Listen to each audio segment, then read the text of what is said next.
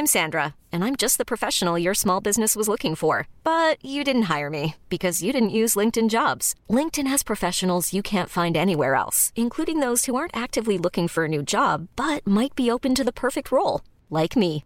In a given month, over 70% of LinkedIn users don't visit other leading job sites. So if you're not looking on LinkedIn, you'll miss out on great candidates like Sandra. Start hiring professionals like a professional. Post your free job on linkedin.com/achieve today.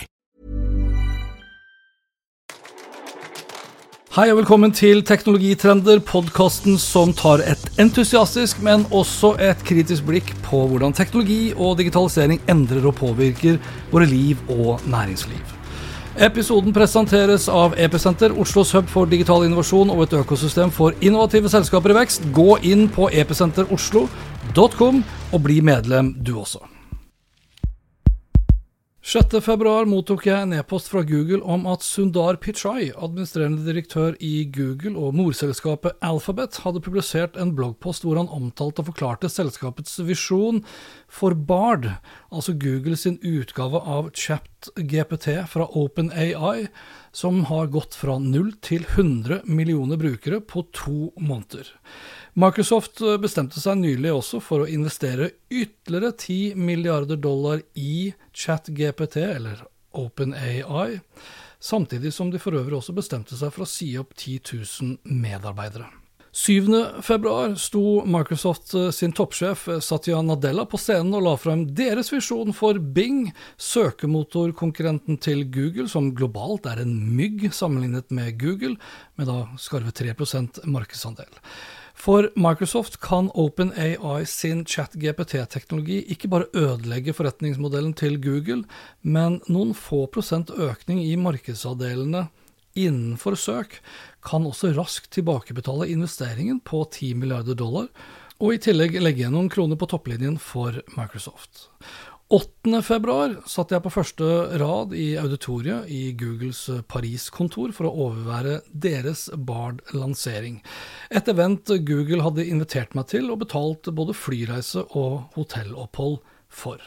Bare så det er klart. Som eneste nordmenn ble jeg dog vitne til et event som i liten grad handlet om Bard, men som i stor grad handlet om kunstig intelligens, og hvor mye kunstig intelligens det er i Google sine produkter og tjenester, og hvor viktig Google mener at en trygg og ansvarlig utvikling av kunstig intelligens vil være også fremover. 9.2 hadde aksjekursen til Alphabet falt til rett under 95 dollar. På bare noen dager frem mot ukeslutt hadde om lag 130 milliarder dollar forsvunnet fra selskapets børsverdi, tilsvarende omtrent 30 milliarder dollar mer enn verdien på hele Equinor. Nå legger jeg ikke inn altfor mye i akkurat hva aksjekurser sier om et selskaps fremtid, for aksjekurser er i stor grad eh, preget av følelser og psykologi, og ikke minst da i stor grad preget av frykt for kortsiktig avkastning.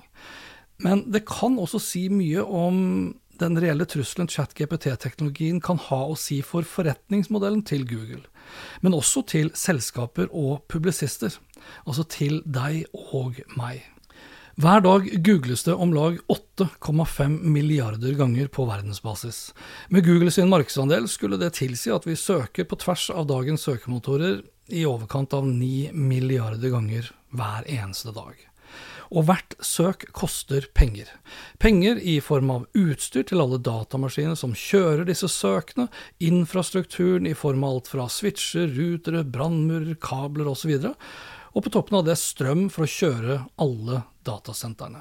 Sjefanalytiker Dylan Patel ved Semi Analysis estimerer at hver gang du og jeg gjør et Google-søk, koster det Google ca. 11 øre. Samtidig genererer det samme søket ca. 16 øre i inntekter, tilsvarende en deilig margin, må man vel kunne si, på hele 45% Til sammenligning har den norske matvarebransjen et marginbilde på ca. 3 og med 9 milliarder søk hver dag, hvor nesten alle går til Google, ja, så blir det ganske mange kroner i fortjeneste. 425 millioner kroner, for å være nøyaktig, hver dag hele året. Et GPT-søk, eller et GPT-spørsmål, krever mye mer datakraft. Ifølge Dylans estimater vil hver eneste forespørsel til ChatGPT legge på tre ekstra øre på Google sine 11 ører i kostnad fra før av.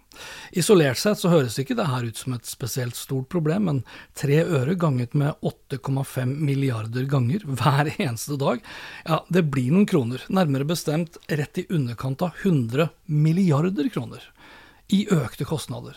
Den største utfordringen til Google er derimot ikke de marginale økte kostnadene. Og så lenge ingen av oss har testet ut Bard, vet vi heller ikke om deres tilnærming er en mer eller mindre kompleks utgave enn den OpenAI kjører i dag. Og bare så det er sagt, den åpne chat-GTP-løsningen er forholdsvis begrenset, både i omfang og i kompleksitet. Den er ikke engang online-basert, men redusert ned til en database datert frem til og med juni 2021. Og med GPT4, som sannsynligvis blir lansert i løpet av det året her, er det snakk om at den ikke bare vil være litt kraftigere enn den versjonen vi har gjort oss kjent med nå, men hele 500 ganger kraftigere. Google tåler i så måte en liten nedgang i marginene sine, selv om børsen selvsagt ikke vil like det. Den største trusselen for Google sine marginer er derimot på inntjeningssiden. For hva skjer om Bard gir oss svaret på spørsmålene våre der og da? Da, da, vil vi jo ikke klikke oss inn på en eller annen nettside for å lese mer om det vi lurte på, mer om det produktet vi ville vite mer om, osv. Og, og da tjener ikke Google plutselig 16 øre for hver gang vi bruker Google. Hver gang Google sin Bard gir oss akkurat det svaret vi var på jakt etter, ja, så vil jo ikke Google tjene noe som helst. Det vil kun koste Google penger. Jeg spurte under pressekonferansen i Paris hvordan de så for seg og det å blande da søkemotormarkedsføringen inn i Bard. Men i stedet for et eh, skikkelig svar på det, så forsøkte Googles leder for kunstig intelligens, Prabakar Prabhakar Ragavan, å berolige oss med at, og jeg siterer, Google vil aldri kompromisse annonseinntekter med verken sannheten eller brukeropplevelsen. Det er jo betryggende, iallfall for oss som bruker Google for å finne svar på våre spørsmål, men hva med dem som lager svarene som Bard baserer seg på, og som Bard da presenterer til oss? Det har allerede vært mange søksmål mot hvordan Google presenterer metainformasjon når vi gjør et søk. Og i mange tilfeller får vi såpass mye informasjon i metabeskrivelsen at vi ikke trenger å klikke oss inn på f.eks. av publisistens nettside. Som f.eks. kan være min nettside.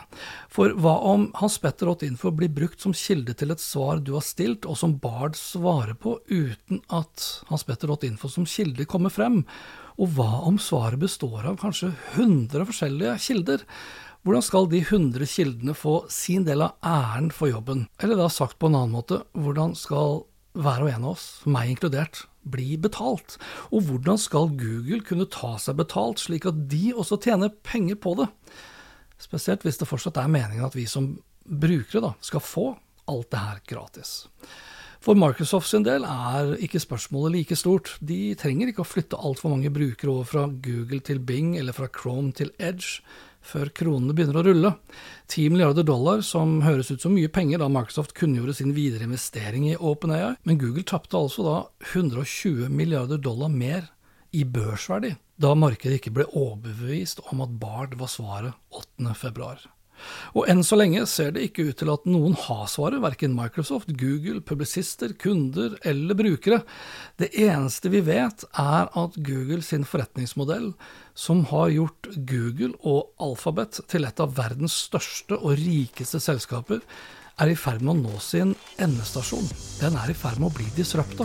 Det vi er vitne til nå i disse dager, er som det så pent heter, innovatørenes dilemma.